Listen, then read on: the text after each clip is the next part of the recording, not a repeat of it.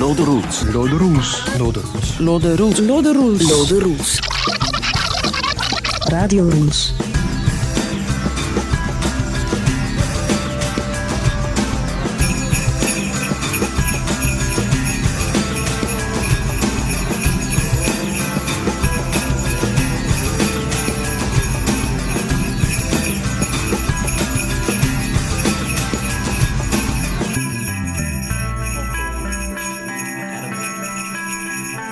En de goede verstaander heeft het dus al door. Welkom in de kersteditie van de Radio Rules podcast. Zometeen een prachtig kerstverhaal over het mythische kerstbestand van 1914 aan het Westfront. Er is iemand die zich heeft aangemeld als producer deze week. Die naam vermelden we straks. Maar eerst wil ik het even kort hebben over de kerst en het uh, kerstfeest hier in Canada. Kijk, wij hebben onze kerstboom gezet op dezelfde dag dat de Sint langskwam. We hebben daarmee bewust gewacht tot de 6e december, of meteen na de 6e december, om de kerstspullen boven te halen. Omdat we eerst Sinterklaas wilden vieren. Omdat we toch die Belgisch-Nederlandse traditie eerst achter de rug wilden hebben. Sinterklaas is iets wat de Canadezen helemaal niet uh, kennen. Ik denk dat we een van de laatste inwoners van Canada waren om zo lang te wachten. De hele straat, en ik mag eigenlijk zeggen de hele stad, heeft al weken iets van een grote lichtkermis en één grote kerststal. En dat begint heel vroeg hoor, meteen na Halloween. Dus ik spreek hier over 30 oktober heeft de buurman, onze rechtstreekse buurman hier, uh, meteen alle lichtjes uh, uitgehaald en lichtjes aan de dakgoten gehangen. En uh, lichtjes in de voortuin gezet, kerstballen gehangen in de kleine boom die in de voortuin staat. Of mensen gaan hier echt in overdrive.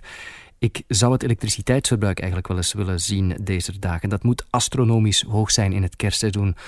En uh, sommige mensen gaan echt zeer ver en uh, gaan helemaal uh, door het lint wat dat betreft. Het is onze vierde kerst hier ondertussen al in Canada. En dat is me ook altijd opgevallen, hoe die kerstsfeer hier woedt, hoe fel die hier woedt en hoe fel die hier raast. En soms is het echt wel overdreven en vooral het is veel te vroeg. Op 1 november al meteen kerstmis en kerstsfeer en kerstmuziek te horen en te zien, dat is er net iets, iets over. Hoe wordt kerst en het eigenlijke kerstfeest hier gevierd dan in Canada? Wel niet zoveel anders dan in België of in Europa, denk ik. Het uh, grote verschil is dat in Canada zoveel verschillende culturen en zoveel verschillende nationaliteiten en achtergronden samenleven, dat je dus echt heel veel verschillende tradities en variaties hebt op dat kerstfeest. En dat maakt dat in één en dezelfde straat het kerstfeest eigenlijk op verschillende manieren wordt uh, ingevuld. Al die verschillende migrantengemeenschappen die brengen zo hun eigen tradities mee. Sommige gemeenschappen vieren helemaal geen kerst, sommige gaan zeer ver. Uh, sommige hebben bepaalde gerechten die ze dan eten of bepaalde tradities. Dus het feit dat er zo'n grote mengelmoes is, betekent dat er altijd op verschillende manieren kerst wordt gevierd. En dat is um, wel interessant om te zien eigenlijk hoe verschillende mensen daarmee omgaan. Maar goed, uiteindelijk is het ons allemaal om de cadeautjes en om de geschenkjes te doen onder de kerstboom natuurlijk. Canadezen noemen zichzelf trouwens trots het land van de kerstman, het land waarin de kerstman woont. Een groot deel van de Noordpoolregio is Canadees grondgebied en dus woont de kerstman volgens de Canadezen ook in Canada. Al uh, claimt geloof ik ook Finland dat. Hè? Finland uh, zegt ook dat het het uh, land is waar Santa Claus, waar de kerstman gedomicileerd is. Daar ga ik me nu niet in mengen in heel die discussie. Wij zijn in elk geval klaar voor onze Canadese kerst. De kerstboom staat. Wij hebben dan ook maar lichtjes gehangen aan onze dakgoot om assortie te zijn met de buurman. En wij hebben ons huis min of meer toch ook versierd en zijn klaar voor onze vierde Canadese kerst ondertussen.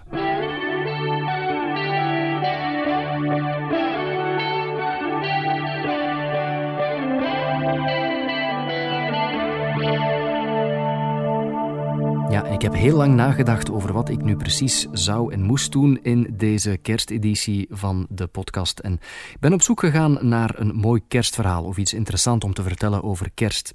En aangezien 2014 het jaar was van de Grote Oorlog, de, de start van Wereldoorlog 1 werd herdacht uiteraard in 2014 vond ik een tijdje geleden een hele mooie tekst over kerstmis tijdens die grote oorlog. Meer bepaald over iets dat gebeurde op de kerstavond van 1914 aan het front. Toen geallieerde soldaten plots gingen verbroederen met uh, Duitse collega's. Dat is het vermaarde kerstbestand aan het Westfront in 1914. Daar is veel over geschreven al, daar zijn veel studies over gedaan, veel teksten over uh, geschreven En een van de teksten daarover is van de hand van doctorandus G.J.J. Wegink, man die Nederlandse geschiedenis uh, studeerde aan de Universiteit van Leiden en die het allemaal uh, mooi uh, samenvatte op een velletje of twee. De titel van zijn stuk is Heel even vrede op aarde en het leek mij in 2014, 100 jaar na de start van de grote oorlog van Wereldoorlog 1, wel toepasselijk om dat kerstverhaal, om dat verhaal is te lezen in deze kerstspecial. Dus daar gaan we het verhaal de komende minuten heel even vrede op aarde. Het leven aan het Westfront in de winter van 1914 was bepaald geen pretje. De beide strijdende kampen, Engeland en Frankrijk aan de ene zijde en Duitsland aan de andere, hadden zich ingegraven nadat de oorlog in een padstelling was beland. Het Noord-Europese landschap zag er toen heel merkwaardig uit. Van de Noordzeekust tot aan de Zwitserse grens liepen twee tegenover elkaar liggende loopgravenstelsels, met ertussen niemandsland en prikkeldraadversperringen. Aan weerszijden werden min of meer permanente voorzieningen aangebracht, zoals ondergrondse vertrekken, schuilplaatsen, kachels en latrines. In de loopgraven zelf heersten meestal erbarmelijke levensomstandigheden. Door grond en regenwater hadden de soldaten voortdurend natte voeten. Daardoor konden hun voeten pijnlijk gaan zwellen en hun tenen zelfs afsterven. Ook hadden ze veel last van ongedierte, zoals vlooien, luizen, muggen of ratten. De ratten, soms zo groot als een volwassen kat, knaagden aan de voorraden en aan de gewonde of dode soldaten. De kwaliteit van het voedsel liet veelal te wensen over. De dood lag voortdurend op de loer. De soldaten liepen steeds het risico dat ze werden gedood door een onverwachte granaatinslag of door de kogel van een sluipschutter. Soms werden ze dagenlang dag en nacht bestookt door de vijandelijke artillerie zodat ze geen moment rust hadden. Of ze moesten dagenlang wachten tot hun eigen artillerie was uitgeraasd, ter voorbereiding van een aanval op de vijandelijke loopgraven. Wanneer dat aanvalsmoment dan eindelijk was aangebroken, zwegen de zware kanonnen en bliezen de officiers op hun fluitje. Voor de soldaten was dit het teken om uit hun loopgraven te komen, over de borstwering te klimmen en het niemandsland in te lopen op weg naar de loopgraven van de vijand. De grond was door de talloze granaatinslagen veranderd in een soort maanlandschap dat door meters diepe kraters nauwelijks begaanbaar was. Vaak bleek het prikkeldraad niet te zijn vernietigd door de eigen artillerie, zodat de opmars werd vertraagd.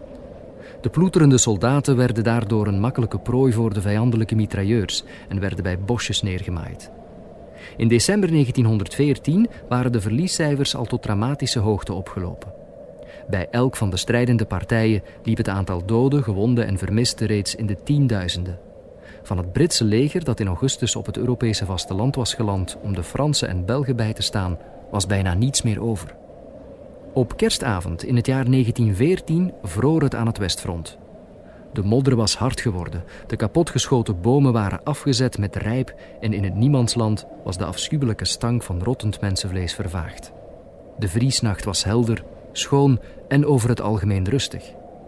Aan het front ten zuiden van Yper klonk vanuit de Britse linies nog wat verspreid vuur, maar toen bleek dat er geen aanval op komst was, zwegen de geweren. De Duitsers begonnen als eerste kerst te vieren. Ze wisselden schnaps en sigaretten uit. Hier en daar verscheen een verlicht kerstboompje of een lampion boven de loopgraven. Ergens begonnen de Duitsers Stille Nacht, Heilige Nacht te zingen.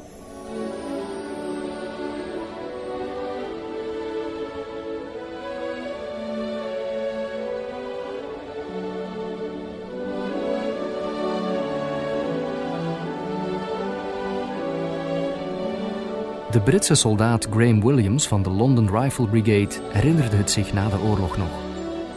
Nadat ze waren uitgezongen, zei hij: Vonden we dat we iets terug moesten doen en begonnen we de First Noel te zingen. Toen we klaar waren, applaudisseerden ze om vervolgens O Tannenbaum in te zetten, een van hun andere favorieten. En zo ging het maar door.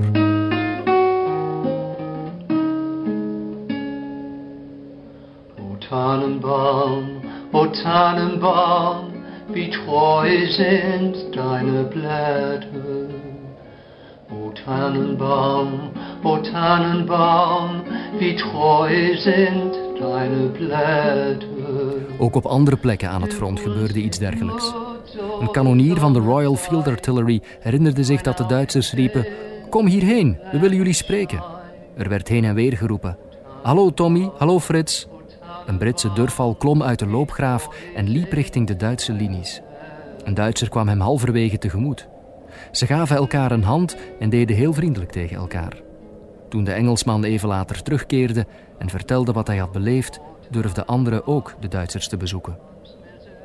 De volgende dag, op eerste kerstdag, kwamen aan beide kanten van het front de soldaten hun loopgraven uit. In het volle zicht van de vijand werden velddiensten gehouden zonder dat er een schot werd gelost. Beide partijen zwaaiden naar elkaar en enkele moedige soldaten liepen het niemandsland in om elkaar te begroeten. Aanvankelijk vormden zich kleine groepjes, vervolgens steeds grotere, totdat op sommige plaatsen honderden soldaten bij elkaar stonden. Er werden handen geschud, men bood elkaar een vuurtje aan en wisselde geschenken uit: sigaretten, Duitse worsten en sigaren, tabak, familiefoto's en Londense kranten. Op diverse plaatsen in België vonden dit soort verbroederingen plaats. Vermoed wordt dat het kerstbestand op twee derde van het Westfront in acht werd gehouden. Het bestand duurde minstens tot het einde van tweede kerstdag. Op sommige plaatsen duurde het tot de jaarwisseling of zelfs tot ver in januari 1915. De legerleidingen waren fel tegen deze Pax Noël. Een spontaan bestand was uiterst ongewenst en tastte de discipline aan. De soldaten konden immers gaan denken dat de vijand ook maar gewoon een mens was. Het zorgvuldig opgebouwde vijandsbeeld moest kosten wat het kost in stand worden gehouden. Niemand had ook gedacht dat de spontane kerstvrede zo lang zou aanhouden. Al spoedig begon het te regenen. De modder keerde terug en de stemming sloeg om. De legerleidingen kregen hun zin. De soldaten keerden weer terug naar hun loopgraven en de strijd zou spoedig weer worden hervat. De Eerste Wereldoorlog zou na kerstmis 1914 nog zo'n kleine vier jaar duren en nog vele honderdduizenden slachtoffers eisen. Toch was er heel even vrede op aarde geweest. De geweren en kanonnen verstomden een moment. Even was er plaats voor het kerstfeest, voor een beetje kameraadschap en menselijkheid. Per slot van rekening deelden de soldaten allemaal dezelfde ellendige levensomstandigheden en doodsbedreigingen.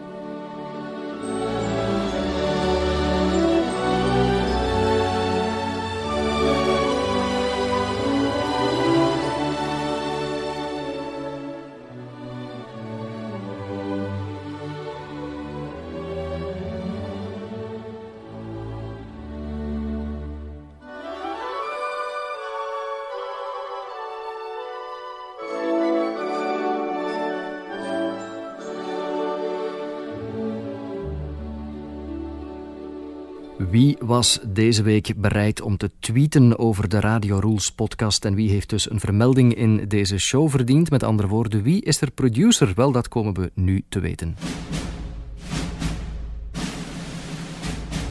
Volgende mensen mogen zich met onmiddellijke ingang en tot de volgende aflevering van rechtswege producer van de Radio Rules podcast noemen en dienen als dusdanig met respect aangesproken te worden. Ik heb één naam voor je, één producer deze week en dat is Jan Roggen. Ik hou van uh, eenvoudige en simpele Twitter-usernames en dit is er zo eentje. Jan Roggen vind je op Twitter als Jan Roggen in één woord. Kijk eens aan, dat is uh, simpel. Jan komt uit Beringen-Mijn volgens zijn uh, Twitter-profiel. En ik vraag altijd aan mijn producers, ja, hoe wil je dan vermeld worden? Hoe wil je aangekondigd worden? En hij zei, zeg maar gewoon als iemand die mijn blog gevonden heeft toen hij zijn vakantie naar Canada aan het voorbereiden was. Het is me trouwens niet helemaal duidelijk, Jan, of je nu die vakantie ondertussen gemaakt hebt of niet. Laat het mij zeker weten. En als je in de buurt van eh, Toronto zou zijn, laat dan gerust ook iets van je horen. En dan kunnen we misschien eens een, eh, een allereerste redactievergadering organiseren. Een soort producers-slash-redactievergadering van de Radio Rules podcast. Op onze website vind je details over hoe je zelf uh, producer kan worden, hoe je het zelf kan schoppen tot producer van deze podcast. Wij zijn te bekijken op loderules.blogspot.be. Volgende week, in de laatste editie voor dit jaar, blikken we terug op 2014 in wat ik dan zou willen noemen een best-of aflevering. Je hoort de leukste fragmenten terug uit het afgelopen jaar. Klank bijvoorbeeld van mijn uh, bezoek aan die Nederlandstalige radio hier in Toronto. Weet je dat nog? Dat was in februari. Ook een verslag van de Salamanderviering, het Salamanderfestival in Bellefountain bijvoorbeeld. Of iets uh, over ons Thanksgiving-diner. Allemaal in de compilatieaflevering van de Radio Rules podcast te vinden op onze website of in iTunes of op je favoriete podcatcher. op welk platform je ook naar ons luistert. En trouwens, als je dan toch in iTunes bent, vergeet dan ook niet om een review achter te laten. Twee zinnen zijn al genoeg. Die dingen zijn belangrijk voor podcasters, uh, zijn belangrijk voor onze positie in iTunes. Dus een korte review of een rating, dat wordt ten zeerste geapprecieerd. Voor vandaag, een fijne dag nog en, zoals Xavier de Bara zou zeggen, een formidabel kerstfeest. Formidabele kerstmis beklijft mijn lichaam overal. Het stemt me bij deze atmosfeer iets, de os en ezel in de stal.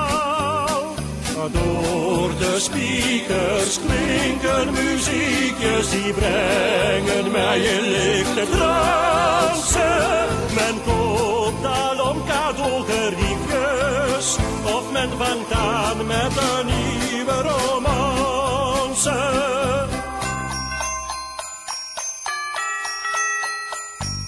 Paul de postman moet meer engelen haar vliegt zomaar rond. Wij wensen een zalig tot genoegen. Bevrozen blijkt de ondergrond. Door de speakers klinken muziekjes die brengen mij in lichte trance. Men koopt alom cadeaugeriefjes of men vangt aan met een nieuwe romance.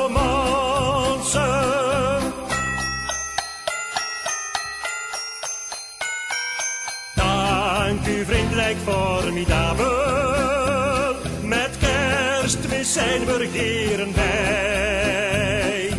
Iedereen is zo aimabel, de Peterkinderen zijn heel blij. Door de speakers klinken muziekjes die brengen mij in lichte trance. Men koopt alom of men vangt aan met een nieuwe romance. Formidabele kerst, Formidabele kerstmis beklijft mijn lichaam over. beklijft mijn lichaam overal. Het stemt me bij deze Het stemt me bij deze atmosfeer. De os en ezel in de stal.